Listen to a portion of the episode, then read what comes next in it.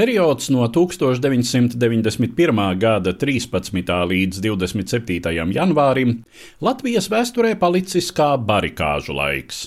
Vecrīgā un dažviet citur Latvijas galvaspilsētā, arī dažās citās pilsētās, ar barikādēm un smago mežsaimniecības un celtniecības tehniku norobežotās vietās pulcējās ļaudis, augstajā janvāra gaisā sildīdamies pie ugunskuriem.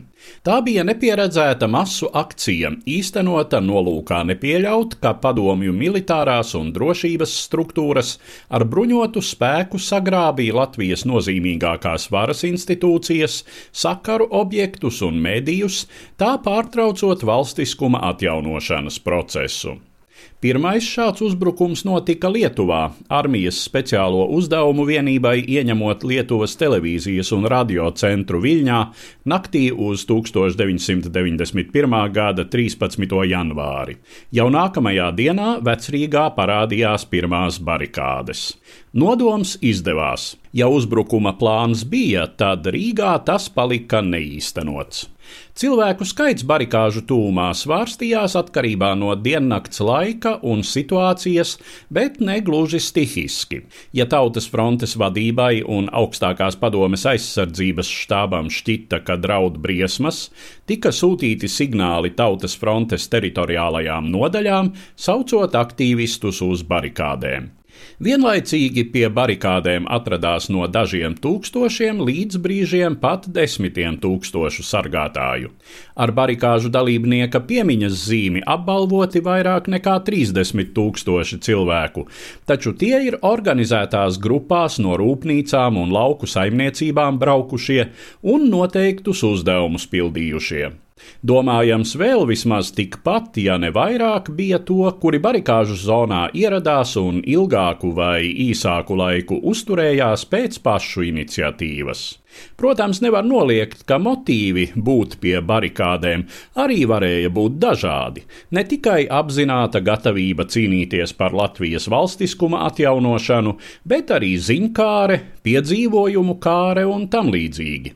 Tomēr no otras puses jāatzīst, ka riskēja visi, un ja padomju militāristi tomēr izšķirtos par uzbrukumu, diezin vai visi nejaušie klātesošie pagūtu pamukt. Vispārējais priekšstats ir, ka barikāžu aizstāvji bija neapbruņoti. Lieluma lielajā daļā gadījumu tas tā arī bija, tomēr īpašo uzdevumu grupas konkrētu objektu aizstāvībai formējās no fiziski trenētiem vīriem, un viņi nebija gluži kailām rokām. Kā savulaik sarunā raidījumā šīs dienas acīm stāstīja Latvijas barikāžu muzeja vadītājs Renārs Zaļais, sportisti, kuri uzturējās Latvijas radio iekštelpās, bija bruņoti ar speciāli gatavotiem stekiem.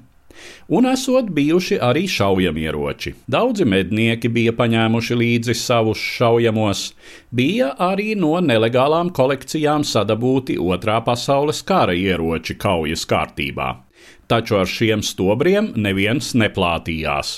Tie bija dziļi noslēpti un varēja tikt izvilkti tikai galējas nepieciešamības gadījumā. Ja izpaustos ziņas, ka uz barikādēm ir bruņoti ļaudis, tas būtu nepārprotams iemesls sūtīt pret viņiem armijas spēkus.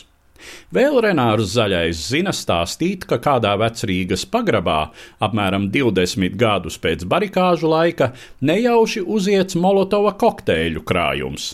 Diemžēl atradēji, neapzinoties atraduma muzejisko vērtību, to iznīcinājuši. Stāstīja Eduards Liniņš.